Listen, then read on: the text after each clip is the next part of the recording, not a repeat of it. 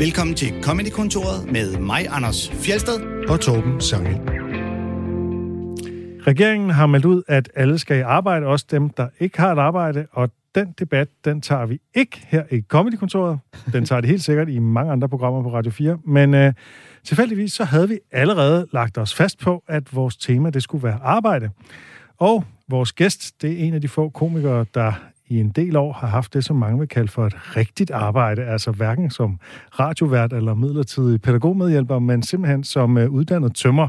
Han hedder Anders Nielsen. Velkommen til dig. Mange tak. Og øh, selvom vi ikke skal diskutere regeringens arbejdsreformer, så begynder vi alligevel lidt i det politiske, fordi, øh, men i det kulturpolitiske, for du har lige stillet et øh, borgerforslag, Anders. Hvad Ja, går det det, ud på? Øh, det går egentlig lidt ud på at øh, slå et slag for kulturlivet og gøre opmærksom på, øh, på, at det har været øh, lidt svært at komme igennem. Som, øh, jeg har jo haft mit første... Altså, jeg valgte jo at gå all in et par, øh, et par måneder før hele lortet det lukkede ned. Øh, Altså corona-lockdown. Ja, og, og der, øh, der valgte jeg et par måneder før det at sige, nu skal det være, og så har jeg jo oplevet, hvordan det er. Og, Så, så du droppede dit job som håndværker lige inden, at håndværkerne fik deres helt gyldne periode? Ja. Og For i stedet for at fokusere på stand-up lige der, hvor at det var umuligt at lave stand-up. Ja, og der havde jeg jo øh, brugt øh, noget, der minder om, om syv år på, at, at det simpelthen gro nosserne til at turde sige mit job op. Ja. Så jeg havde det også sådan, at nu skal jeg ikke tilbage lige med det samme, fordi det har taget mig syv år at tage tilløbet første gang. Så skal jeg ikke tilbage efter to måneder igen og bygge. Så jeg havde sådan en, så det var sådan en stedighed, der bare sagde, nu skal jeg simpelthen, nu skal jeg holde ved. Ja. Og så det er har jeg jo... ligesom at købe aktier i øh, øh, Kodak, lige inden digitalkameraerne kom på banen. Det er, det er i hvert fald komisk timing. Ja. Øh, det, må man, øh, det må man sige. og så har jeg jo oplevet øh, det her med at skulle øh, forsøge at få fat i en hjælpepakke. Og det Ja. har jeg jo så fundet ud af, at det er ikke... Det er en ren skueproces. Nå.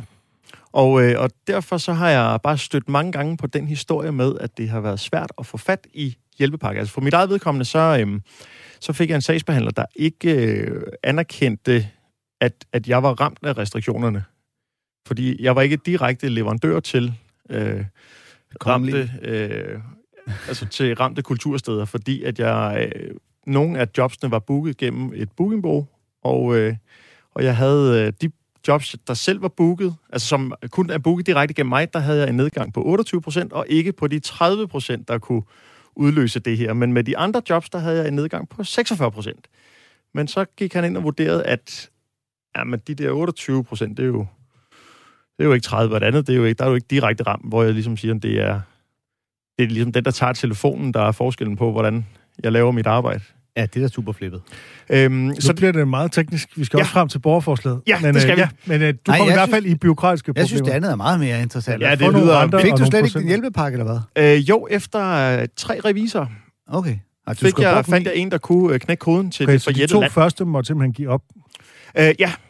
Øh, og, og hvad hedder det? øh, Og, og da jeg selv havde givet op, så var der en revisor, der tilbød sin hjælp, og så sagde jeg, jeg gider ikke mere. Jeg overgår ikke at få fat i de penge, fordi øh, jeg gider ikke den her proces igen. Øh, og så sagde han, nu tager du dig sammen. Og så siger jeg, det, jeg gider ikke. Var det første eller anden gang? Første det, eller det, var anden tredje, det var tredje revisor. Nå, men nedlukning, tænker jeg. Øh, det, var, det var anden nedlukning, fordi Okay. den første kunne man nemt få adgang til. Men der var jeg på drive-in-shows oh, ja, med Uffe okay. Holm, hvor at jeg så skulle betale hjælpepakken tilbage, så den, der var nem at få, den øh, betalte jeg tilbage. Og den, der var svær at få, den var æder rød mig også svær at få. så derfor har jeg stillet borgerforslaget ja. om, at, øh, at politikere de skal forbydes kultur i 2022, hvis ikke de frasiger sig 10% af deres vederlag og smider det i en genopretningspulje til kulturlivet. Så hvis ikke de smider deres penge i sådan en pulje, så får de ikke lov til at gå i teater, i biografen, til stand-up, øh, til koncerter. Er det sådan, det skal forstås? Ja, og så må de heller ikke læse bøger derhjemme, eller høre musik, eller se fjernsyn. Og det har du tænkt dig at kontrollere med hård hånd? Altså, vi har jo, altså jeg har lavet det med en, øh, med en forfatter, øh, kollega, jeg har, som, øh, som har været udsat for det samme, som øh, jeg nu har været udsat for. Og, øh, og der havde vi skrevet det lidt sådan, at, at man skulle lave nogle Nick Hækkerup-løsninger med noget overvågningsfrihed i hjemmene, der kunne kontrollere. Ja, præcis, fordi mere over, overvågning er jo mere frihed, Ja. som bekendt. Og, og vi havde et par, et par sjove citater, men, øh, men borgerforslaget der, det blev lukket ned, fordi det havde klart karakter af en vittighed. Så vi måtte jo skrive det om og skrive det mindre sjovt. Ja, nu øh, vil jeg sige, det er tongue-in-cheek. Altså, der er stadig lidt stikpiller. Men, øh, Karakter af en vittighed. Det er jo det, der er dit arbejde jo. Ja, jamen det, er jo- det, det er jo det, der er så åndssvagt. Ja, og Hvor, øh, hvor man mange kan, har skrevet under indtil videre? Jeg har faktisk skrevet under. Det er jeg glad for, Torben. Så jeg er to. Vi er to, ja. Og så ej, min, øh, min forfatterkollega har også, så vi er tre. Okay. Og jeg tror, det er, vi er på 100 og, øh, og, og nogen og 50-70 stykker. Ja, så er der jo øh, så er på vej mod de 50.000. Der er et stykke vej nu. Det er også derfor, jeg, jeg vil opfordre øh, de lyttere, der måtte være her, til at øh, gå ind på borger. Øh, Og sagen med de der borgerslag er jo så, hvis så det får x antal underskrifter, hvor meget er vi ude i? 15? 50. 50. 50.000. Ja, vi er lige et lille stykke fra. Så skal øh, politikerne kigge på det, så ser de, der står, vi skal gå ned i løn, og så forkaster de det øh, på 0,0. Ja, ja, de er jo Og så- korrupte jo. Så. Ja, alle sammen. Men det vil måske faktisk blive dækket af medierne, at Ja. de siger nej til det, hvis Lige det var, præcis. at det nåede 50.000. Ja. Og jeg har Altså- bare, altså jeg er jo et meget lille menneske, så jeg har jo lyst til bare at være, være, være en, der er irriterende. Ja. Så det er det, jeg har forsøgt nu. Jeg har forsøgt at være irriterende. Det synes jeg, det, det er jo øh, komikernes fineste, Ja, ja. fineste mission. Det er Anders er rigtig god til at være. Anders Fjeldsted er rigtig god til at være irriterende, skal jeg sige. Nej, ja. Ja. Hvordan, kan du egentlig heller ikke lide frugtis? altså jordbæris. Hvordan har du det med jordbæris? Nej, jeg kan ikke lide jordbæris. Så hvis du så vil have regnbueis for mig, så skal jeg den røde del fra. Ej, det skal man altid gøre. Men jordbæis, det er også... Det er også øh, Og det, som det Thomas Hartmann har bemærket, så er det absurd, det øvrigt hedder regnbueis, fordi det er tre farver, der ikke er med i regnbuen, der er i regnbueis. True that. Den, den Det er, også den, det er den grimmeste regnbue nogensinde, ikke? Præcis. Dinglebær. Hvordan har du det? det, øh, det er fedt at have, at have fået dig ind, Anders. Øhm, vi har jo, som med, med alle vores gæster, stillet dig to opgaver. Ja. Du skal komme med nogle klip og præsentere for os. Og så øh, har vi jo som sagt et tema, og så, øh, så kører vi det ud af. Og før vi ved af det, så er tiden gået. Så har vi ikke nået at spille det hele. Men øh, det sjoveste nogensinde. Hvad synes du, det er? Altså her, der kommer jeg jo med en disclaimer, ligesom alle andre, ikke? Og jeg vil jo gerne sige, at, øh, at, at jeg er venligt, det kan jeg jo sige til Torben, jeg er jo venligt blevet opfordret af Fjeldsted til at kigge på et mandrilklip. Fordi det har jeg ikke afspillet, og jeg er stor mandrilfan. Det er nemlig det er jo lidt en skandal, vi aldrig har spillet noget fra mandrillen. Ja, og, øh, Og jeg må jo sige, at når jeg ligesom sagde til dig, at du skal komme med de her klip, så siger jeg jo, du kunne for eksempel vælge noget med mandrillen, fordi jeg ved, hvor vild du er med mandrillen. Og hvis ja. man er i tvivl, kan man jo kigge på din tatoverede underarm, ja, der har både Gentleman Finn og... Hvem er den? Hvem er Svend Olotta og Svend Olotta. Broder Salsa. Og Bruder Salsa. Ja. Vi skal Shit, næsten uh, have et billede af den, hvis vi må, og lægge ud på vores Facebook-side. Det må I Øh, gerne. Så fortæl, hvorfor, altså, hvorfor får, er du så stor mandrill-fan, at du simpelthen får tatoveret nogle figurer fra mandrillen? Øh, jamen, det kan også lyde mere creepy, end det egentlig er. Øhm, Creepy, det, jeg var jo, ikke, det var ikke min vinkel på det. Nej, men det er mere fordi, at jeg, at jeg Mere har bare jo, dedikeret. Ja, Ja, men det er det, det er det også, men jeg har jo optrådt mange gange med de her øh, karakterer i virkeligheden jo. Altså, øh, ikke Svend Olotta og Broder Salsa, men øh, med Lasse Remmer og, og Frank Bammer og, Ja. og Lars Hjortøj. Øhm, men, men jeg tror, det er jo ikke, fordi jeg er besat af dem. Jeg kunne bare skide godt lide mandrillen og det univers.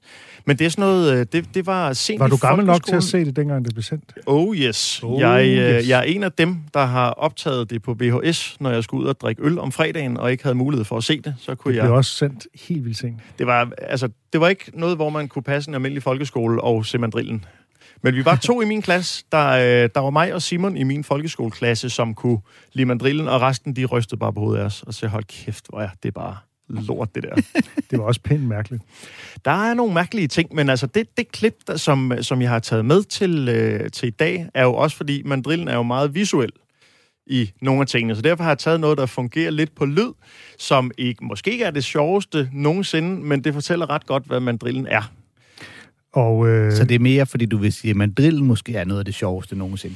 Ja, fordi jeg ser det stadig tit, Ja. øh, og, og, og der, altså jeg synes, el, ældningsprocessen på mandrillen er, er, øh, er meget længere end på mange andre ting. er der egentlig nogen, der har lavet sådan en mandrill øh? Uh, det er sjovt, du spørger, fordi Ja. ja. det har Pelle Lundberg startet lidt på. Det kunne jeg nemlig forestille mig. Han er jo lige manden til det. Ja, men der er jo, øh, og jeg har været med i et afsnit, men, øh, men der er jo sådan noget med, at øh, man ikke altid gider arbejde gratis. Øh, og, og derfor tog han sådan håbet på, at den ligesom kunne blive lidt, øh, lidt lytterbåret. Øh, så han lavede en, øh, en kickstarter øh, på det, og, øh, og det holdt et vis antal afsnit, og så kom der også noget coronapandemi, og så spurgte Pelle, om jeg havde lyst til at lave et afsnit, hvor vi ligesom ikke sad sammen, og det havde jeg faktisk ikke, for jeg ville gerne sidde sammen med Pelle og snakke Og nu øh, skylder jeg jo faktisk at nævne, at jeg øh, har i lang tid snakket om at lave en Seinfeld-podcast sammen med øh, Annika Åkær, og den har vi lavet, den er i gang, og det glemte jeg helt at nævne, da vi havde podcast-tema. Ej, Nu men fik jeg det lige- podcast-tema vil vi også kunne anbefale, anbefalesværdige podcast, som Fjelles Fodboldfjold og, og lignende. så Altså, vi snakkede Nyt om i begyndelsen, hvad og- vi selv lavede af podcast, og den her laver jeg fuldstændig gratis, det Mig- er også en fanpodcast. Mig og min frugt-podcasten. nu kæft. Vi skal høre et klip med Lars Hjortøj som Ja. yeah. Lennart Bertelsen. Mange af os mener, at man ikke får sex nok i det daglige. Men min næste gæst har et helt andet problem. Han har nemlig ikke haft... Ikke, ah, det er måske det samme problem, så. Han har ikke haft sex siden øh, 1970, og det er han kommet for at fortælle om. Velkommen til dig, Lennart Bertelsen.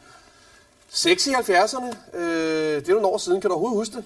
Ja, for jeg kom på et tidspunkt, der kom jeg hjem fra San Francisco der, ikke? Øh, og der tænkte jeg, jeg skal fame ud af at have fedtet rotten der, ikke? Så jeg tænkte, ja. få noget steg på gaflen lige og tjekke fiseletten en gang, ikke? Ja. Øh, så får jeg øje på hende, der, der står en plus dejlig roulade, du fame stor og babs og nu er det helt fremme, og Paris højt til. Hold da kæft, hun må sgu gerne pisse i min morgenkaffe, hende der, du. Så, så, så, øh, og så det er så 70'erne, og så knaller du. Ja, det, så, så, så tænker jeg, for fanden, der skal være lidt ekstra her, ja. ikke, når man egentlig skal have lidt pelsværk på knærækken. Så jeg inviterer jo basvioler der med en tur i den grønne skov, og jeg tænker, hold da kæft, der skal knækkes anemoner med nakken her. Ja. Ikke? Så der ligger vi så ude, ikke? Så på et tidspunkt får jeg driblet hende rundt, ikke? for helvede, der er udsigt til bagsvær der, ikke, mand? Øh, så at få op, fanden, der skal køre strilebøger, ikke? Og der ligger hun så øh, på det tidspunkt der, ikke? Og der er jo i gang med øh, spermatometer, det er jo kraftigt, peger den ene og den anden vej. Det er fandme ikke til at finde rundt derude. Nej, nej. Så tænker jeg på et tidspunkt, nu er det og rømme sjovt, du. Og vi skal invitere Viggo med rullekrav med en tur til Møns Klint der. Ja. Ikke? Og så, så knaller I. Ikke på det tidspunkt, der ryger hun jo fame om i en 69'er, og ligger der, ikke? Okay. Fame, du ved, med babserne, ikke? Og jeg tænker, så skal der fame knaldes her, ikke? Det, Ja. Så I knaller. Det gør vi så ikke der, men, øh, men, men der er det så på et tidspunkt, jeg tænker, fy for helvede, nu skal jeg fame at klemme sjoveren ind igennem øh, hormongardinerne ja. der, ikke? Og det gør du så. Ikke, ikke så på det givende tidspunkt der, nej, det, det, det, det gør vi ikke så. I knaller slet ikke. Nej, ikke, ikke lige der. Den situation der, nej. Hvorfor, hvorfor nævner du så en situation, hvis den situation, hvis ikke altså... Det, øh, vil jeg tænke sådan, nu kan jeg måske så lige få fedtet rotten, eller... Det er ikke her. Har du, har du overhovedet nogensinde knaldet? Nej, men jeg tænkte, hvis du nu var med, så kan det være, hvis der sad nogen, der vil have noget køle, så kan de måske nej. ringe ind direkte under programmet. Nej, det, det, det, det, det, det, det, ikke ringe ind. Prøv lige at høre. Det, det er lidt irriterende. Det er ikke for at være lyseslukker, men det er lidt irriterende. Jeg prøver at lave et øh, program om sex, og jeg vil gerne have et sobert indslag med mand fra 70'erne, der hedder Knaldet. Og det er irriterende, Du kan at... ikke ringe ind. Nej, du kan, ikke, du kan godt, men du er her jo, så der er Ikke? ikke grund. Nej, det er lidt irriterende, fordi jeg vil godt have haft en... Det er lidt irriterende. Jeg er lidt sur på dig. Du har aldrig knaldet, simpelthen. Nej, det, er- det er dumt, ikke? Ja, Lennart Bertelsen har aldrig knaldet. Det kommer ikke som den helt store overraskelse, vil jeg sige. Nej, Ej, det Men- kalder man hurtigt. Men det er jo heller ikke overraskelsen, der bærer det her, øh, kan man sige. Ikke? Det er jo snart den der kontrast mellem det her enormt vulgære, fantasifulde sprog, han har, og så det, at der ikke er noget som helst i det. Ja, ja. men øh, der er paralleller til Monty Pythons Notch Notch sketch der, ikke? Det er rigtigt. Altså, der er den samme dobbelthed, ikke? At han har, det har du fuldstændig ret i, at det er, det, det er sådan samme grundgreb, ikke? Jo, og, så man, og, og jeg synes, det fortæller meget godt, hvad mandrillen er også, fordi det er jo, det er jo tit, øh, altså det er jo tit gæster, der kommer ind og på ingen måde kan leve op til, til de forventninger, der, der er til dem. Ja. Det er jo faktisk, alle interviews er jo interviews, der går galt, fordi præmissen ikke holder. Ja. Det er jo simpelthen hver eneste interview i mandrillen. Det synes jeg også, øh, nu må man jo efterhånden, nu er det efterhånden så heldig, at man nærmest ikke må kritisere, men det synes jeg nogle gange er også svagheden ved det, at man udmærket ved, at det interviewet kommer aldrig nogen interessante steder hen, fordi selve præmissen holder simpelthen ikke. Nej, de bliver uvenner, og så, så går Ja. gæsten på en eller anden måde til Ja. sidst. Men, og, det, og øh, så bliver det jo kun sjovere, hvis man kan se, hvor, hvor dum for, for eksempel her Lars Hjortøj ser ud. ja, fordi at han er jo, Ja, han ligner sådan en rigtig øh, 70'er. Han har sådan langt hår og øh, sådan øh, ja, lædervest på, og sådan noget. øh, på kinden og så videre. Ikke? Ja, og, og det er også det, fordi han er jo, han er jo sød og charmerende, selvom han er pissevulgær. Altså, øh, og, øh, men, men jeg synes sådan, jeg kan spejle mange håndværkertyper i ham i forhold til det her med at bruge udtryk, så derfor så har han også sådan en, en særlig kærlighed over for altså, Det er jo nogle mit fantastiske øh, udtryk, han kommer med, og ja. De kommer simpelthen bare sådan løbende, ikke? Altså, Jo. man tænker, han må, ligesom, han må nærmest have forberedt dem lidt hjemmefra, ikke? Jo, fordi der er alt for mange og alt for kreative. Ja. det er simpelthen... Fordi, hvad hedder det, mand? Han, øh, altså, jeg kan huske, at op gennem min, altså slutningen af min folkeskole og på efterskolen og i, op gennem gymnasiet, der sagde vi altid det der med, at hun må sgu godt pisse i min morgenkaffe. Så det er simpelthen et rigtigt udtryk, du kender. Øh, nej, det er, det er jo taget derfra. Nå, altså, jeg ved ikke om, om ja. ja. men altså, det, det er sådan Ja. en, det er en vending, som øh, min vennegruppe har brugt i alt for mange år. Altså, På grund af Lars Hjortøj. ja, lige præcis. Okay. og, og sådan er der mange ting, fordi han har en, der er to sketches med Lennart Bertelsen, og den anden, der siger han også, øh, der bruger han også udtrykket om, øh, om sex, om at få afkalket vandværket. Og det er jo sådan en, den er jo bare perfekt jo. Altså, den er genial. Det er den bedste øh, metafor. Er det fordi sæd er en slags kalk? Jamen, det tænker jeg. koldig Ja. væske? ja. Og vandværket, det er pistøjet, ikke? Jo. Ja, og det er... er det sådan lidt håndværkerjargon-agtigt, tænker du? Jeg, jeg synes i hvert fald, jeg kender de der bortende typer, der, der har dumme udtryk for alt, ikke? Og det er jo i hvert fald... Typen er jo den her type, der sådan... Altså, elsker at snakke om sex, men egentlig ikke har så meget erfaring med det, ikke? Jo. Øh, Ja. Og gerne vil være sådan lidt stor i slag. Altså, jeg har, jeg har jo oplevet nogle gange, hvor, hvor, øh, hvor håndværker ligesom, øh, ligesom har den der med, øh, hun skulle fandme ikke gå mange år under mine ting, og man skulle da være svin, men ikke lige kunne, og så Ja, videre, ja. hvor man tænker sådan, men jo jo, men, men hun skulle jo også, altså hun skulle være et endnu større svin, hvis hun skulle hoppe på dig, ikke? Altså, det, det er sådan, hvor Jo, man jo. tænker, Ja. den, den, går, der, der går lidt, den går lidt begge veje. Du skulle nok gå Ja. rigtig mange gange rundt om hendes seng, Ja, jeg hun tror du sige, så virkelig, kom du der skulle. ægter. Ja, de, de glemmer tit at kigge sig i spejlet. De Men det er der. sjovt, når man øh, hører her med drillen, øh, at altså, det er jo optaget en gang super low budget. Altså, det var jo, det var jo helt, helt... De lavede det ude i et lille, øh, nærmest øh, garage ude på Jena-gade, øh, metronomstudierne. Ja. Og øh, man kan også se, at de der udklædninger er jo nærmest, hvad de lige kunne finde. De går igen rigtig mange gange i, i alle de der sketches. Ja, og det der med, om, at det er jo ikke unormalt, om sådan en del udklædning er, nu har jeg så et franskbrød på skulderen, eller hvad fanden de kunne finde på, at ting, der ikke havde noget med rigtigt tøj at gøre. Ja, og en papkast, der er, er tapet nogle porre fast på og sådan noget. Ikke? Ja. Det er meget mærkelige ting. Og, så, og man kan høre også her, at øh, Kasper starter med at sige noget, der lidt er noget vås. Øh, nu skal vi til noget. Nå nej, det er i virkeligheden er det jo faktisk lidt det samme. Det er ikke et klip, man tænker, så tager vi lige den om. Nej. Ah, nej. Kør Nej, fordi det er jo, øh, og det er jo endnu en grund til, at, at det ikke er nogen overraskelse, det er, at øh, Kasper kommer faktisk til at, at afsløre det i selve sin intro. Ja. For han havde egentlig skrevet en intro, åh oh, nej, det er jo det omvendte. Nå, nå, og, ja. Altså det, det, og det, det tror jeg ikke er scriptet. Altså det tror jeg simpelthen, at han kommer til at dumme sig der. Jamen, Men men alle jeg- andre programmer vil man jo lige... Godt, vi tager den lige forfra. Men der, der var det bare, nu har vi skrevet, den her sketch, den skal lige lave sig i kassen, og øh, det er sjovt. Man kan næsten se på hans ansigt, at han selv er sådan lidt forvirret over, hvad det egentlig er, han skal, hvordan han skal præsentere den her Men, men jeg synes, at Kaspers rolle er så undervurderet, fordi det, det, som jeg tror, hvorfor han fungerer så godt i den rolle, er, for, altså, er også fordi, at han har været, øh, hvad hedder det, øh, vært på hvad for en hånd, og har, har, har været vant til at snakke med børn, der bare siger sindssyge ting. Så det virker som om, at han kan navigere i det her med, at der er vanvittige mennesker hele tiden. Og øh, så kører vi bare videre som straight, straight guy. Det, Ja. ja. det er ret imponerende, øh, synes jeg. Og er det, som Lars. Hjortøj også for, fortæller, det er jo, at øh, altså, mange mandrill-sketches er simpelthen inspireret af hans børn. Ja. Øh, de åndssvage ting, de finder på, ikke?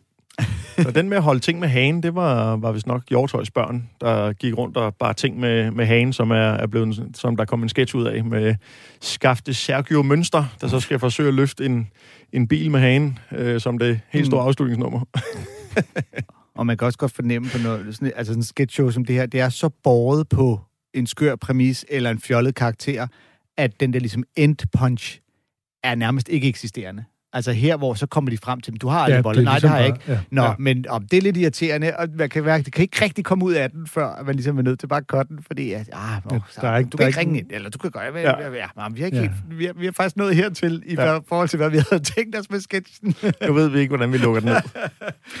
Det er virkelig Lars Hjortøjs store styrke, det er de her prullede typer, tænker jeg. Han, han, han forstår virkelig sådan noget jargon. Altså, han er Ja. også på et tidspunkt sådan en, en håndværker, der kommer Lige ind. præcis, og, skal, og den og hvor han også faktisk på. er nærmest underspillet. Fuck, hvor er det godt ramt, altså. Ja. Jamen, det der skal er- lægge nogle kabler eller et eller andet, som bare Nå, sådan... men han, han har også øh, Kevin, der skal ind og hænge øh, kvindetegnet op, som også bare er den mest sexistiske mand overhovedet. Ja. Som, som også kommer ind og, og siger, Nå, det er sådan, når kvindetegn, det er den vej, den skal vende. Nå, for helvede. Jeg tror det var omvendt. Jeg tror det der store nede runde der, det var røven på kællingen. Og sådan, altså, hvor det bare sådan, det, det, det skal vi helt væk fra, det der, Kevin. Det er kvindeprogrammerne. Det er, så, så der kommer, så han også var den anden.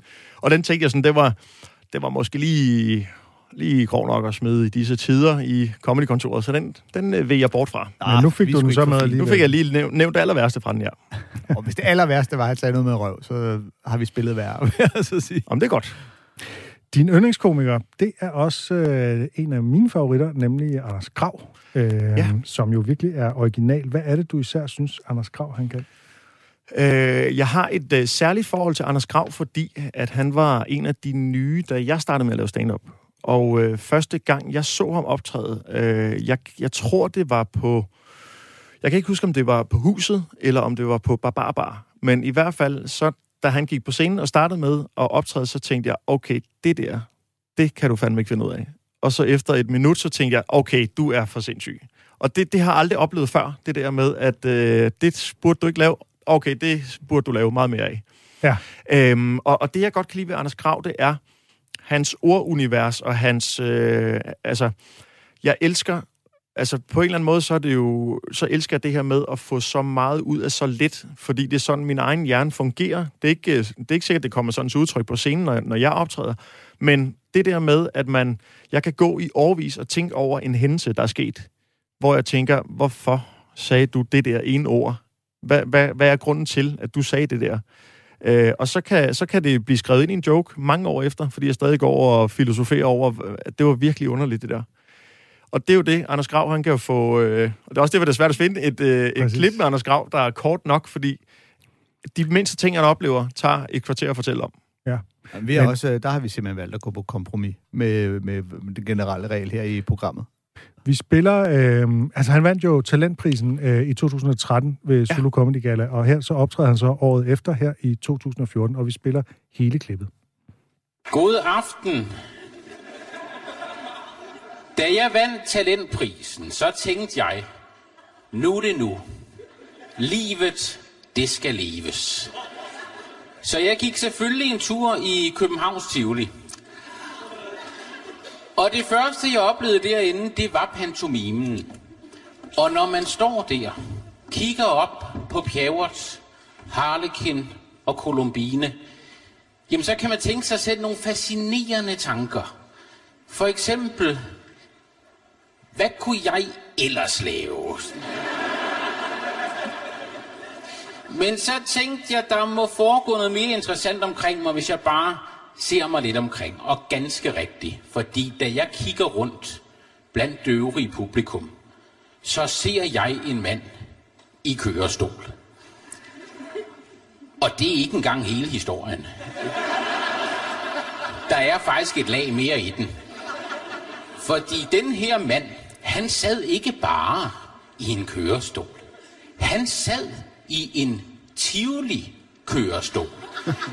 Det vil altså sige en kørestol, hvor ryglænet, det var brydet af Tivolis kendte og elskede logo. Og det synes jeg frembringer meget naturligt spørgsmål. Gav vide hvorfor der findes de her officielle Tivoli-kørestole. For jeg kan dårligt forestille mig, at det er en del af en udlånsordning til de personer, der har glemt deres kørestol derhjemme.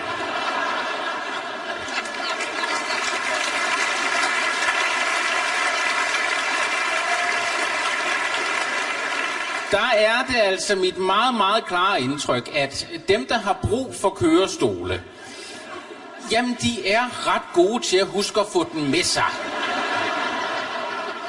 Det er sjældent, man ser handicappede komme kravlende fra Københavns hovedbanegård. Og først når de er kommet ind i den gamle have, så ser de ned af sig selv og tænker, det var dog utroligt. Så glemt som jeg kan være. Det jeg, det jeg i stedet kan blive lidt urolig for, det er, at de her kørestole, de er udtryk for, at Tivoli på kynisk vis betragter handicappede som en form for gratister, der har medbragt deres egne forlystelser. Og at de, at de ellers så venlige tivolivagter lige vipper folk ud af kørestolene, sparker krykkerne ud på Vesterbrogade, slukker for pacemakerne, og så tilbyder kunderne, der nu ligger rallende på jorden, at de kan lege en Tivoli-kørestol, en Tivoli-krykke, eller hvis de har været lidt for længe om at beslutte sig, en Tivoli-hjertestarter. Men det, jeg egentlig tror er det mest sandsynlige, det er, at de her kørestole, de er slet ikke til handicappede, der tager i Tivoli. De er til personer, der tager i Tivoli og bliver handicappede, mens de er der. Måske så har Tivoli indskrevet i deres forretningsgrundlag, at er man i Tivoli, og bliver man sådan meget pludseligt invalid, jamen så er det noget, Tivoli kan tage sig af. På en elegant og nonchalant måde. Det kan foregå ved, at man sidder nede i restaurant Grøften, midt i en dejlig rejemad. Og pludselig ud af det blå, så bliver man ramt af uhelbredelig polio i begge ben.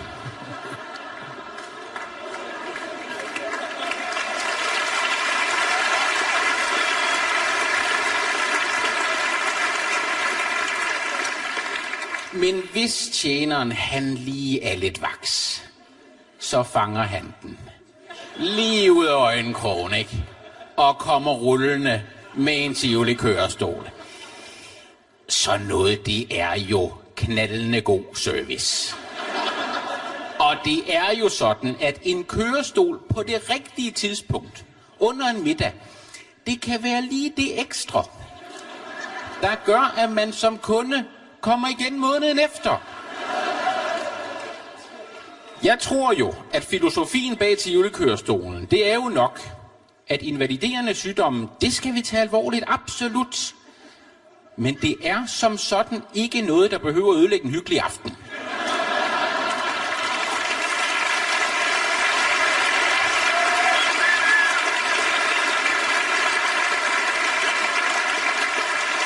For som de siger i Tivoli, vi kan jo godt forstå, at når du mister føleligheden i dine ben, så vil du helst direkte på intensiv. Men lad mig stille dig følgende spørgsmål. Ville det ikke være pragtfuldt lige at blive rullet hen og se lidt af pantomimen først? Det var alt for mig. Tusind tak skal I have. Ja, det er jo øh, fremragende. Um, det begynder egentlig med sådan en, en bait and switch om pantomimen, som, så, som han så jo øh, kalder tilbage til til allersidst. Men det meste af det er jo sådan et langt øh, præmisscenarie. Øh, altså det her med, at man forestiller sig, hvad grund, grunden til noget er, og så opmaler det scenarie, som for eksempel, altså det kan være sådan noget med det møde, hvor man besluttede et eller andet, eller ja. den pitch, hvor nogen de øh, øh fremlagde et eller andet, ikke? Han har først gjort observationen, ikke? Om, jo, observationen ja. øh, kommer selvfølgelig kan, først, ikke? Så det, er, det er jo låne, inden for observationskomik, så er det et ja. af de der greb, man kan bruge, ikke? Du kan låne kørestole i ja. Tivoli. Det er hvorfor den grundobservation. Og i stedet for ligesom at lave research og finde ud af, hvorfor det er, så, så, så er det sjovere at tænke, det kunne være derfor, ja. eller ja, ja. derfor. Ingen grund til at ødelægge muligheden for en god præmis. Ved Nej, fordi det, det, det, det oplever jeg også tit, det der med, at man, man har, nogle, øh, har nogle tanker om noget, og når man så begynder at undersøge, hvad årsagen er, så er det så logisk og så altså fuldstændig øh, dræbende for... Ja, fuldstændig. Så, så der er nogle ting, man bare har ja. lyst til ikke at undersøge. Fordi ja. du skal ikke ødelægge mine tanker. Og det er jo meget det, Anders Grav gør. Og så er det jo, som du siger, at han går jo helt ned i detaljen, og han udfolder det jo. Altså, han udfolder det netop over lang tid, hvor mange de vil lave en, en et til to minutters bid, måske, hvor de lige hurtigt overvejer det ene eller det andet, så går han ned i det, og med den her sproglige virtuositet, som han har, ikke? Ja. som er litterær, altså lad os bare sige det lige ud, altså han er jo simpelthen en, en stor sprogkunstner, ikke? Ja. Øh, altså alle de der sproglige detaljer, som altså Tivolis elskede og kendte logo, og alle de der ting, han hele tiden... Øh, øh, kommer med, gør ham jo bare til, til sådan en, en helt særlig fugl i, i stand-up-verdenen. Ja, fordi det, det har noget jo... med, med attituden at gøre også, og, og, og levering af det, og så videre. Fordi nu hans, øh, hans show Bekymringsfabler har jeg jo også set nogle gange, men jeg har jo set stort set alle jokesene ude på open mic-scenerne, hvor han har taget dem bid for bid, hvor han ikke ja. har skulle snøre hele historien sammen. Og jeg synes faktisk, at de bid for bid alene på en open mic har fungeret bedre, end når han har forsøgt at sy... Jeg er fuldstændig enig. Hele, tråd, øh, hele show sammen. Jeg, da jeg så øh, det samlede show, der havde jeg set mange af dem hver for sig, ja. og jeg synes, det blev... Jeg synes ikke, de skulle kædes sammen. Jeg synes, Nej. de er sådan som her, hvor han bare går ind på scenen i operaen, og, laver og så laver han denne her. Og ja. den er en afrundet fortælling. Øh, sådan fungerer det egentlig bedst. Ja, fordi han, han har... Det, det, som noget af det, jeg har grint allermest af, var ikke med i bekymringsfabler, men det, hvor han snakker om det her med jordskælv. Den plejer han at åbne, altså lukke op med og sige, altså sådan noget som jordskælv. Den der med, at man tisser... Ja, lige præcis, man drikker sit eget øh, tis, ikke? Der, øh, der siger han, øh, der starter med at sige, altså sådan noget som jordskælv. Altså, jeg er ikke meget for det. og, og det er min egen holdning, og det står for egen regning. Jeg synes bare, der kan ske nogle forfærdelige ting. og det er sådan en, det der elsker jeg. Altså, jeg elsker det der sprogunivers. Øh, og så vil jeg ønske, at jeg selv kunne stå og, og snakke i så lange bits omkring det. Men det kan jeg ikke, når jeg står på scenen. Det er kun Anders Krav, der kan tale i 10 minutter om, hvordan der på et af de jobs, han har han arbejdet på sådan en papirvarefabrik, øh, hvordan der en dag nede i kantinen, så havde, de, så havde de været lidt våget og lavet noget mad med hvidløg i, og hvordan alle de kommer ned i kantinen og siger, hold da op, der er godt nok hvidløg i maden. Ja. Altså, det, den, en så lille hverdagsting, det kan han simpelthen få 10 minutter til at gå med ved at analysere, ja. hvad det er, der foregår i den der sociale situation, fordi han er den der lidt nørdede type, der bare jagter de der ting, og så bare, så kører hans fantasi bare løs, ikke? Jo, fordi altså, jeg, jeg kan jo også forestille mig, det er jeg også selv udsat for en gang med det her med, når man, når man kommer ud til et publikum, hvor man kan mærke, at der skal der være lidt mere power på, hvis man skal have de her, der skal der arbejdes lidt mere, at der kan jeg se mine udfordringer ved at gå ned af finurlige veje, øh, hvor jeg bare vælger at skifte helt over et andet materiale. Så, så det ved jeg også, at, at Anders Krav han også kan være udsat for det her. Det har han også selv i talsat med, at, at det er sgu ikke alle jobs, man kan gå ud og lave, når man har den stil, øh, og køre de der jokes der. Og han, det, han har kun det ene gear, ligesom, ikke? Jo. Så, det kan være en svaghed, hvis der er et rowdy publikum, som ikke er med på ja, præmissen. Ja, eller folk, der ikke er comedy vante fordi at en, en stor del af hans komik er jo også, at den står lidt i kontrast til alt muligt andet stand-up, ikke? Netop jo. på grund af den måde, han formulerer sig på og trækker tingene ud, og virker lidt som en særling, når han står Jamen, der du skal have alle de der åndssvage vendinger med, for at det... Ja, for man at... tænker også, at han er lidt skør. Han står og siger ting, hvor man tænker, okay, hvad, i for, især i forhold til alle de andre unge drenge, der jo kan stå og være, hvad så sker der lige for, hvad sker der lige for, man kan køre, kan låne kørestol i Tivoli, mand. Det er sgu da helt åndssvagt. Der er sgu da ikke nogen, der glemmer deres kørestol til hjemmevagt. Ja, ja, det er rigtigt. og der er han lidt, men, men hvis man ikke er vant til at se stand-up, øh, og så ser ham på... Så, det har jeg oplevet i hvert fald tit, både på Comedy Zoo og på Clubjobs, at folk har været sådan helt... Hvad, hvad, hvad, er ham, hvad er ham der for noget? Jamen, hvis de, hvis Og de ikke han ikke- køber ham, så er det, så Så er det hårdt, men hvis de Ja. køber ham, så er han jo... Altså, Ja. så, så er der jo ingen... Øh... Og det er også derfor, han er perfekt altså her i ga- til Comedy Galaen, Ja, lige ikke? Hvor, Man kan jo se komikere sidde på forreste række med tårer i øjnene, Jonas Ja. Spang blandt andet, ikke? Jo. Øh, ligesom jeg også selv havde nede i sagen, altså øh, tårer i øjnene af grin, ikke? Fordi det er så, det, det er så sublimt, altså. Ja, ja. Jamen, det, er jo en, det er en definerende bid lige den her. Altså, det er sådan en af dem, der står, ligesom, du ved, så har vi Jacob Tornhøjs øh, danske sproglige bidder. Der er nogle af de der sets, hvor man bare ved, lige den der, den er bare lige skabet. Den Ja. er som, altså, han, han er jo, jeg ved ikke, han optræder jo ikke engang rigtig øh, mere, hvilket er en skam. Han, Jamen, øh, jeg synes, der går rygter om, at han, han laver lidt igen. åh, det er godt at høre. Det håber jeg i hvert fald. Så skal vi fandme med ham ind. Alene fornavnet er jo garant for, at man må være pisseskæg. Oh, jo. Jesus Christ. Ej, det kan vi da godt stemme om, hvorvidt det skulle være, være en, Ja, en lad os stemme om det i studiet. Du lytter til Comedykontoret på Radio 4 med Anders Fjeldsted og Torben Sangel. Vores gæst er Anders Nielsen, og nu skal vi til vores tema om arbejde. Og øh, der begynder vi med et klip med dig, Anders Nielsen. Du har jo sådan lidt en, øh, en niche, kan man sige, i Ja. det at være håndværker. Hvor at, altså, andre komikere er andre ting. Øh, Det er en niche som komiker. Det er ikke, fordi det er en niche. Nej, nej, det er ikke en niche som sådan. Det er det da Det er bare fordi, at være. altså når jeg i min intro nævner pædagogmedhjælper og, og radiovært, så er det fordi, det er normalt sådan nogle jobs, komikere har ved siden af, mens ja. de øh, sådan er i gang med at slå igennem, ikke? Jo. Og der har du simpelthen øh, øh, lavet bygninger. Det har jeg. Der, øhm, jeg har, øhm, altså, men, men jeg har jo ikke altid lavet stand-up om at være håndværker. Jeg har lavet mere sådan øh, bredt stand-up, men, øh, men følte på et eller andet tidspunkt, at jeg var nødt til at skille mig ud, fordi der var så mange øh, af altså, min type. Øhm, altså, jeg skældte mig ikke ud på nogen måde. Også ved at have øh, Danmarks kedeligste kunstnernavn, øh, skilte jeg mig heller ikke ud. Så, så derfor så... Øh, Nielsen? ja, Anders Nielsen. er- kan ikke blive meget bedre. Sammensætningen, den er fandme kedelig. Der Ej, ville jeg du have lavet Torben Sangil. Altså. Hvis du vidste, hvor mange gange jeg er blevet præsenteret med, og så skal vi have en komiker her, rigtig sjov fyr, nemlig Anders, og der er forventningerne altså Ja. bare over the roof. Ja. Fjeldsted, åh, så er det, den dropper lidt igen. Jamen, det er rigtigt.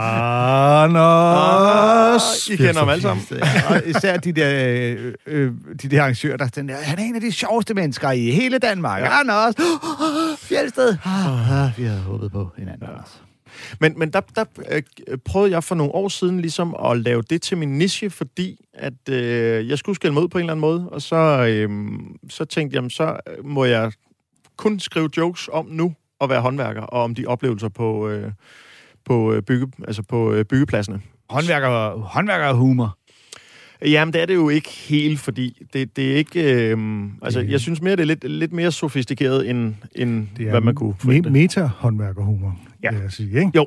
Øh, det kan være, at vi simpelthen skal høre klippet og tale om det bagefter. Det er et uddrag fra øh, dit øh, DM-sæt i, øh, altså DM i stand-up 2017, hvor du står i arbejdsbukser og, og taler om det her håndværkerarbejde. Og måske skal vi sige, at i dommerpanelet, der sidder blandt andet Adam og Noah.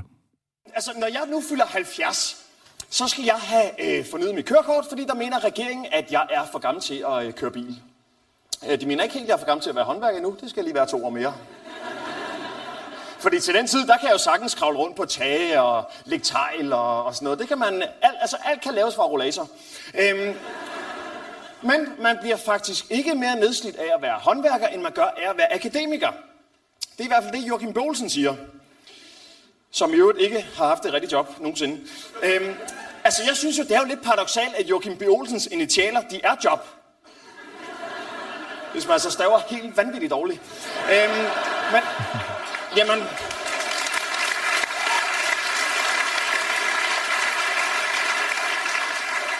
Jamen, at han skulle være i stand til at vurdere slitage, er lige så surrealistisk, som hvis Adam og Nora, de skulle være med til at afgøre min stand fremtid Altså, Der røg det DM.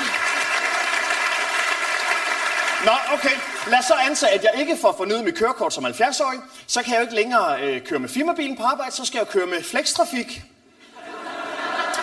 Hvor ydmygende er det at blive kørt ind på byggepladsen med flextrafik? Lige rulle vinduet ned en gang og sige, hej drenge. Undskyld, jeg kom for sent. Vi skulle lige have sat en af ved krematoriet. Jeg er så også lige forbi La Dolce Vita. Øhm, men altså, jeg er klar til at give den en skal lige om lidt. Jeg skal bare lige have spændt sikkerhedsselen i min kørestol, og så ned med liften, så er jeg klar til at give den en ordentlig skalle. Men altså, det kan jo godt være, at jeg kan arbejde, til jeg bliver 72. Men i teorien, så kan alle i mit nuværende chak, de kan jo nå at dø af alderdom, inden jeg skal på pension. Og så skal jeg jo nok over et andet chak med nogle unge mennesker på en 2-63 år, der bare gerne vil ud og tjene nogle penge. Altså, der kan jeg sgu da ikke følge med. Det er da ikke nemt at tjene penge på en akkord, hvis der er en i chakket, der konstant skal i dialyse og kemobehandling. Altså. Men jeg klager ikke. Øhm, der, der er en ting, der undrer mig lidt ved, øh, ved byggebranchen, det er, at øhm, den er helt vanvittigt homofobisk. Hvis man nu spørger en håndværker, øh, bruger du noget øh, mælk i kaffen? Så svarer 9 ud af 10, nej, jeg er jo ikke bøsse. Nej, øh, hvad hedder det, det er med på, men... Øh... men kan det ikke være, at du måske har taget fejl af det med homoseksuel og så laktoseintolerant?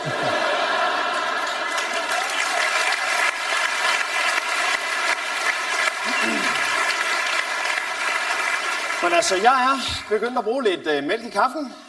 Men det er mest for at gøre de andre håndværere lidt usikre. Og nogle gange så kan jeg finde på bare at drikke et helt glas mælk. Er man så lige bøsse, eller hvad? Nu siger jeg lige noget. Hvis man har sin maskulinitet siddende i, at man drikker sin kaffe sort, så har man en meget lille pik.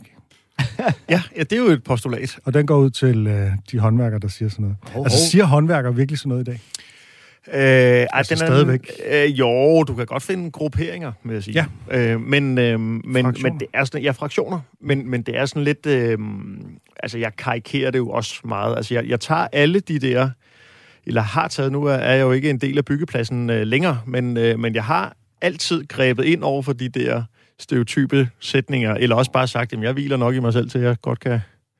Men nu siger du gribe ind. Er det ikke svært at gribe ind, hvis man kommer som den nye unge i chakket, og så, så er der sådan nogle 60-årige, der ligesom... Altså, eller det er mester selv, eller sådan noget? Jo, men, men øhm, jo, det kan man sige, men, men øh, jeg har ikke haft et problem med det, men jeg startede jo også lidt sent i forhold til, jeg kom ikke direkte fra folkeskolen, jeg var på efterskole og på gymnasiet og på højskole, og altså så, øhm, så hvad hedder det, så jeg, jeg havde jo også lige de der fem år mere end, altså, øh, end, end nogen, der er gået direkte fra, fra folkeskolen. Men jeg i talsatte det altid, og det blev som regel modtaget med humor, fordi at jeg, altså, jeg, altså, jeg, tror ikke, det ændrer det helt store, vil jeg lige Men det, er det, fint, det er fint, du springer over, men jeg, jeg, jeg vil sgu gerne. For der er jo dem, der netop både siger, du ved, "Ah, jeg skal da ikke have sådan en bøs, der bruger øh, mælk i min kaffe. Ja. Og så er der dem, der siger det netop fordi ironien i, hvor sjovt det er, at altså, det gør vi da i hvert fald meget internt i, i vores branche, synes jeg, det der med øh, griner af, hvor idiotisk det er at sige lige præcis den ting, ikke? Jo. Nå, paraply, hvad? Er du bøsse, eller? Ja. øh, men, men der, er- det er jo selvfølgelig Men- der, hvor kontrasten står Men der er, noget, der er en sjov episode på et tidspunkt, hvor at der er en... Øhm, vi er på en byggeplads, hvor at, øh, at der kommer en øh, nedriver. Det er jo så ikke en... Jeg tror ikke... Øh, øh, altså, det, det har været en ung nedriver, der ligesom er arbejdsmand, en, øh, som har sådan lidt for langt pandehår, så han hele tiden sådan skal svinge hovedet til siden for at, for at holde håret væk fra øjnene. Og, øh, og så ser han så mig, og det er nærmest en åbenbaring, fordi jeg har, jeg har langt hår og har sat det op i en knold. Så, han, så, så er det som om, han så siger, det, det må man simpelthen godt, det der. Øh, så dagen efter, så kommer han Hvorfor med en... øh, net? Hårnet? Jamen, så har han sådan en elastik i håret, hvor at, øh, at jeg bare tænker, den der elastik, den har du ikke i håret, når dagen den er omme. Og så, øh, ved, så kan jeg se fra morgenstunden, så møder han lige ind i skurvognen til sin, øh, til sin øh, nedriverkollegaer, og så kommer han ud med løst hår igen. Der han. Og du ved ikke, hvad der er foregået i mellemtiden. øh, jeg har idéer om, at, øh, at han har fået at vide, at det der, det har man altså ikke i håret, hvis man er en rigtig mand. Så hvis ens maskulinitet er bundet op i, øh, hvor- hvorvidt ens hår er sat op, eller ej, hvad, Så har man en lille pik. Jeg synes, det der small dick shaming, Torben, jeg er ikke glad ved det. Nej, for Øh, vi sidder nogen her og bliver ja, ramt, ikke? Jeg synes faktisk godt. Jeg vil jo sige, identificerer mig selv som en med en kæmpe pik. Men der må skulle kompenseres for et eller andet, et eller andet sted, men det kan godt være, at det ikke lige er det. Det er selvfølgelig i sig selv en, øh, en metafor. det er rigtigt.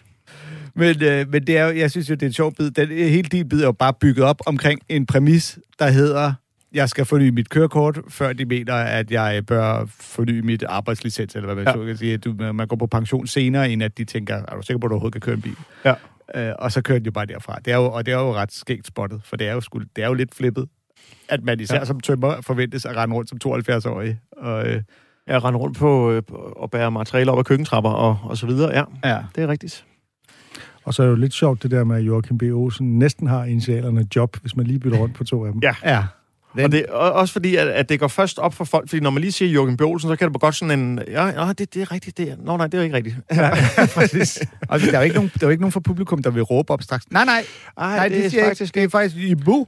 Ja. Du, Øh, undskyld mig, jeg tror, du har taget fejl af du rækkefølgen af bogstaverne. Det, ja. der, der tror jeg, du har stadig forkert. Publikum, der simpelthen ikke kan skille mellem de der lidt retoriske spørgsmål. Sådan, det er jo ikke meningen, du som sådan skal svare på det her. Men det er som om, der er nogen, der er allerede noget derhen, da du så siger, hvis man staver helt vildt dårligt, eller hvad ja. det er, du siger, ikke? Jo, Øh, der er nogen, der lige filosoferer, og det kan man godt Ja. høre Ja. blandt, øh, blandt publikum. Ja. Jeg kan og høre den- deres hjerne knage. Og, og bogstaver. Åh, var nu skal vi lige se en gang. Ja, Ja. Den er der ikke helt. Der er der et eller andet der. Ja. det er sjovt, fordi at, øh, altså nu, når vi har et tema om øh, komikere, der laver jokes om deres arbejde, øh, og det, det er jo, øh, altså man kan sige, normalt så, som komiker, så observerer, observerer man jo de ting omkring en, så du vil typisk finde på noget om dit arbejde. Når du er tømmer, så er det klart, at du går på jobbet og tænker, gud, der er noget sjovt her og der, og derfor så kommer der de her. Og det er også derfor, at man rigtig tit hører unge fyre øh, starte ud med at fortælle om deres pædagogmedhjælper øh, jobs, ja. eller deres øh, lærervikar øh, ting, og jeg ved ikke, hvor mange øh, bait and Så switch, der sagde, ikke så er sagde på. babyen, eller den, øh, så sagde barnet det her, og, og jeg brænder lidt sammen, når jeg er på open mics, og der kommer en ny ind op og fortæller om at være pædagogmedhjælper, fordi det har jeg set i ni år nu, ikke? Lige altså, præcis. Ja. Og, den, og den samme bait and switch med, og også nogle af børnene. Ja, ja, lige præcis. Der er en, en, en, en kilometer lang indkørsel til, ja. Til den joke, ikke? Ja. men, men Og det når er man jo... så bliver etableret komiker, så handler det hele jo om hotelværelser og flyrejser og sådan noget, for så har man ikke længere nogen kontakt med virkeligheden. Så, så flyver man bare rundt fra det ene job til det andet, i hvert fald, hvis man er amerikansk komiker. Ikke? Ja, og det, og det er jo det, jeg synes, der er lidt sjovt, fordi vi fik ideen til at lave det her tema, øh, hvor altså undrer det mig egentlig lidt pludselig, at det var jo ret svært at finde gode eksempler. Altså nu, du, Anders har jo, du har jo øh, et eksempel der, men, men det er jo netop fordi, der er rigtig mange af de store komikernavne, som vi jo tit lytter til eller ser på, som har været etableret så mange år, så de har jo ikke noget rigtigt job sådan at referere til, fordi det er så længe siden. Men mange af dem har alligevel haft sådan nogle små jobs, da de var på vej frem, ja. Ikke? Så som ham, vi skal høre nu. Han har haft flere øh, jobs, som han faktisk laver bidder om, og han er jo øh, mesterlig til at fortælle, til at ironisere over sådan nogle åndssvage jobs, ikke? Det er Paul F. Tompkins, som ja. vi har spillet nogle gange her, øh, men ham kan man ikke spille for tit. Nej, det kan man ikke. Og det er jo også, fordi han jo så valgte at lave et helt album, Laboring Under Delusions, som er bygget op om, at han fortæller om de jobs, han har haft, ud over at være stand-up-komiker. Ja. Som jo så øh, altså går direkte lige fra netop ungdoms øh, øh, slavearbejde til, så skulle jeg lige være med i den her øh, Paul Thomas Anderson-film. Ja. altså, Og, og han er også for eksempel på et tidspunkt, øh, den er altså også virkelig sjov, det er ikke den, vi skal høre, men altså, hvor han arbejder i sådan en hattebutik med sådan en kostymehatte. Øhm, men øh, vi skal høre en bid, hvor han, øh, om dengang han arbejdede i en videobutik, og til de unge lyttere, der må vi hellere sige, at Betamax, det var øh, et videoformat, der i 80'erne tabte til øh, VHS-formatet, og derfor udgik af markedet. Og til de helt unge lyttere, skal vi sige, video er. Det var noget, der var på et videobånd En gang i skulle du ned dage. i butikken for at låne din Ja. film. Det var en anden tid. So I thought, okay, if I'm gonna have a day job, I might as well have some kind of fun. It might as well be easy, as easy as I can make it. So I thought, ooh, there's a video store up the street. I knew they were hiring. Video store is the perfect thing. Video store, you were just watching movies all day, renting things to people. It could not be easier. And the store was hiring. As it turns out, they were aggressively hiring. The name of this video store was Beta Only. You heard what I just said. Beta Only was a video store that trafficked exclusively in Betamax videotapes. This was in 1990.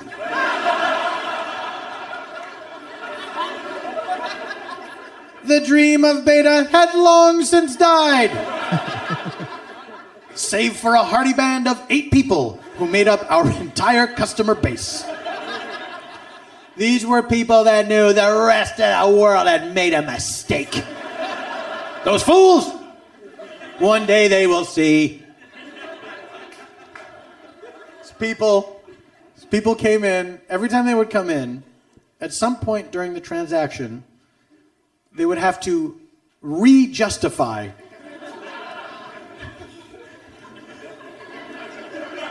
Betamax. Sometimes it happened when they first came in, sometimes they were walking around looking at stuff, sometimes when they were leaving, but always they had to get it in there somewhere. Okay, well, I'll return this tomorrow. Hope it's good. I mean, even if it's not, it'll be a pleasure to watch with so many more lines of resolution. I heard you. Are you telling me or are you telling you? so, because the same eight people are not necessarily going to rent videos every single night, there was a lot of downtime at Beta Only. Now, this is when I would be watching the movies, right? Wrong! because the owners of the Beta Only video store couldn't seem to scare up a Betamax video player to have in their beta only video store. That should have been an early indication this was not a sound business venture. Well, those things are hard to find. Let's do it anyway. so now, because we were not watching movies all day, myself and my coworker Jeff, we used up our video store clerk small talk all up in the first two weeks of working together we had run out of things to say after two weeks. The way it's supposed to work is you're only supposed to talk to each other in between movies, and that discussion is about what movie to watch next. That's how video stores are supposed to work. So, in the absence of that, we got to know each other intimately and then stopped cold. It's like we were an old married couple who still just liked the company. Og biden den fortsætter så, den kan man jo øh, gå ud og høre på Spotify, men den fortsætter så med, at Tompkins får den geniale idé, at de jo bare kan sove i arbejdstiden. Ja, Og, you øh, may take shifts. No, I suggest we sleep concurrently. Øh, og øh, det, tager, det går selvfølgelig... Øh, det har konsekvenser. Han minder øh, på mange måder meget om Anders Grav. Ja, på en eller anden måde. Altså den der sans for detaljen og for sådan øh, de finere sproglige øh, nuancer og sådan noget. Ikke? Ja. Han elsker at lave det der, ikke? Så, altså den der øh, øh, sarkastiske parodi på sådan finhed. Ikke? Altså det der med at, at lave den der overdrivelse med, at de sidste otte kunder, det er de revolutionære, der ligesom øh, kæmper mod den store onde overmagt. Ikke? Det er jo sådan en, en typisk øh, overdrivelse, ikke? at komme ind med den der patos, som øh, han, han tit bruger. Ikke? Jo, og Hvor han så tager sådan en, en overklasseagtig stemme på. Ja, Og, og, og den, dramatisk... Øh, og en del af grinene ligger i de øh, sjove, spøjse, finurlige formuleringer øh, af tingene i højere grad end deciderede punchlines. Ikke? Øh, jeg synes, øh, jeg synes, eddervæbe, øh, jeg synes virkelig, det her det er sjovt. det er jo, han henviser, han siger jo det her med so many more lines of resolution. Altså, det henviser til, at Betamax teknisk set mm. var et bedre videoformat. Altså, det, det, det er simpelthen udiskutabelt, men de tabte jo altså til VHS, fordi det var lidt dyrere. Og, øh, som jeg har hørt historien, fordi porno satsede på VHS. Og så var der nogen, der tænkte, at så er det jo der, så er det den vej, vi skal gå, fordi det er jo så dem, der... prøver vi det. Hvis først de begynder at lave porno på VHS, så må vi alle sammen købe ind på det, fordi det kommer til at vinde. Porno vinder på det lange løb. Men der er en fun fact, og det er, at Betamax udgik først af markedet i 2002. Okay. Så altså i 1988, der, der, øh, der, der øh, begyndte Sony, som producerede Betamax, de gik selv over til at producere VHS-maskiner. Så de havde givet op, da der sluttede den her krig, formatkrig. Mm. Men der var altså de her hardcore-typer, som altså også er dem, der kommer ned i den der, som gjorde, at der stadig blev produceret Betamax-bånd til sådan en hjemmeoptagelse, så folk kunne bruge deres store Betamax-videomaskine frem til 2002. Mm. Ja, Jeg tror også, man kender de der med, altså de der overgange fra ting, man så ikke længere kan afspille i forhold til... Nu er det jo også øh, blevet svært at, at afspille en DVD, som, uh, som altså, selvfølgelig kommer efter Ja, VHS. ikke længere, så skal man købe et ekstern DVD-drev og sådan noget. Ja, eller altså, fordi jeg, jeg tænkte sådan over det, fordi jeg, øh, der er nogle DVD'er, jeg ikke nænder at smide ud, og det var alle de stand-up-DVD'er, jeg købte af danske stand-up-komikere, da, da jeg var teenager. Mm. Så dem har jeg stadig, og, og den... Har du mandrillen på DVD? Øh, det har jeg. Øhm, men, men de var jo sammensat på mærkelige måder i forhold til de rigtige programmer. Så det synes jeg, det var fejhold. Øh, og Nå. kun at se dem på DVD. Det er på kryft. Det er i hvert fald i forhold til os ægte mandrilseere, der så det i tidernes morgen i fjernsynet, mandag, onsdag og fredag. Øh, men, men hvad hedder det? Men, men dem nænder jeg ikke at skille mig af med, og, og jeg er ude i nu, at man kan afspille dem i sin øh, Playstation, og det er den sidste mulighed, jeg sådan set har nu. Og nu ved jeg ikke, om den nye Playstation, om, om, den, øh, om den er helt uden, fordi så er jeg, så er jeg fucked. Men da jeg byttede min Playstation ud med en Nintendo Switch, for det var det, ungerne hellere ville have, det var først, da jeg havde sat den op, at jeg fandt ud af, hey, wait a minute. Nu kan jeg jo ikke spille Nu. alt med DVD-film. Nej, nu er, det, nu er det slut. Fordi det er jo problemet, at man tænker, "Jamen, jeg streamer alting nu, men det er jo ikke alting, du kan streame. Så, øh, men, det, men det er... Det er fuldstændig rigtigt. Da jeg købte, da jeg lige havde fået DVD-afspiller, der øh, jeg var helt med på moden, så købte jeg som noget af det første, første sæson af The Simpsons DVD-boksen. Og der står der inde i, du ved, velkommen, nu har du købt den øh, første sæson af The Simpsons, og der skrev de også, inden du har fuldendt din Simpsons-samling, er der kommet et nyt og federe format. Ja. De kalder den simpelthen lige fra start. Jeg har også en øh, minidisk afspiller og flere minidisks liggende derhjemme. Ja. Jamen, jeg hørte, jo i, øh, jeg hørte jo i sidste afsnit, at du også har en iPod. Nå, men den bruger jeg i modsætning til minidisken, vil jeg så sige. Ikke? Men jeg har min iPod, som er et, øh, et minde om, hvad jeg hørte dengang. Og det er sådan en, den skal bare være sådan der, fordi så har jeg nogle øh, gutter, hvor... at Som så, slags så arkiv, kan, nostalgiarkiv. Ja, lige præcis. Ja. Så kan man lige sætte den, for den fylder jo ikke noget. Så kan man lige sætte den på og høre alle de numre, man hørte, dengang vi var unge og smukke og Så når der går ild i dit hus, så skal du redde billedalbumsene og din iPod med ja. Ud, så du har alle minderne for den gang. og DVD'erne.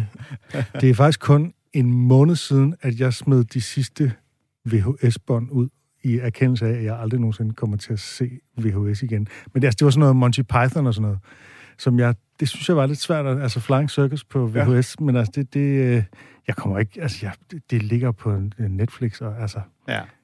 Det er jo det. Så længe du kan se det, det så længe du kan streame det andre steder. Der er jo ting, du ikke kan. Kan vi nå, øh, kan vi nå øh, dans arrangement? nej. Nå. det er sjovt, øh, at det nogensinde i verdenshistorien. Jamen, jeg, det, det inviterer bare til en... øh, Jeg kommer gerne en tur ind igen. Jamen det, øh, øh, det, der bliver i hvert fald øh, et par klip til øh, de klip, vi ikke nåede.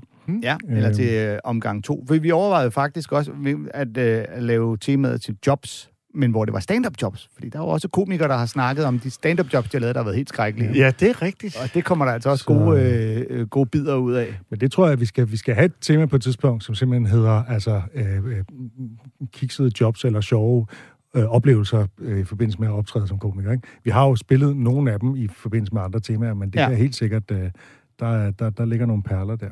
For det er, jo, det er jo der, hvor at man kan lave et job, der er helt skrækkeligt. Ikke? Man er ude og optræde, og, så det, og det det øjeblik, man så finder ud af at lave det til en stand-up-bid. Så er det, man tænker, nå gud, nu har det pludselig været det værd jo.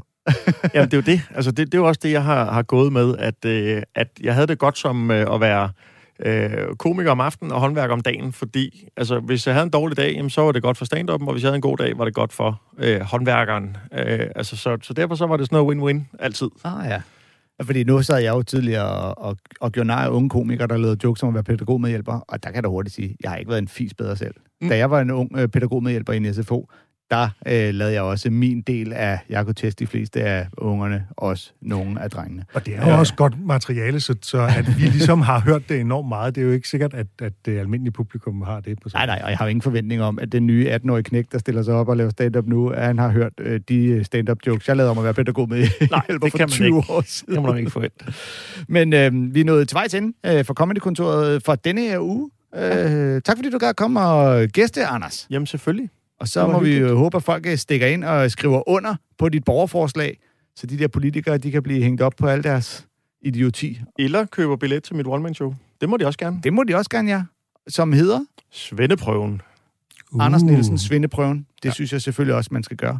Og så øh, vil jeg ellers bare sige øh, tak for den her uge fra øh, Torben Sangel og jeg, og vi lyttes jo ved øh, her på Radio 4 eller podcast igen om en uges tid. Lad mig lige øh, slutte med et, øh, med et lille citat fra øh, Paul F. Tompkins. I don't know grammar, but I do know that I love playing games on my phone. Hey,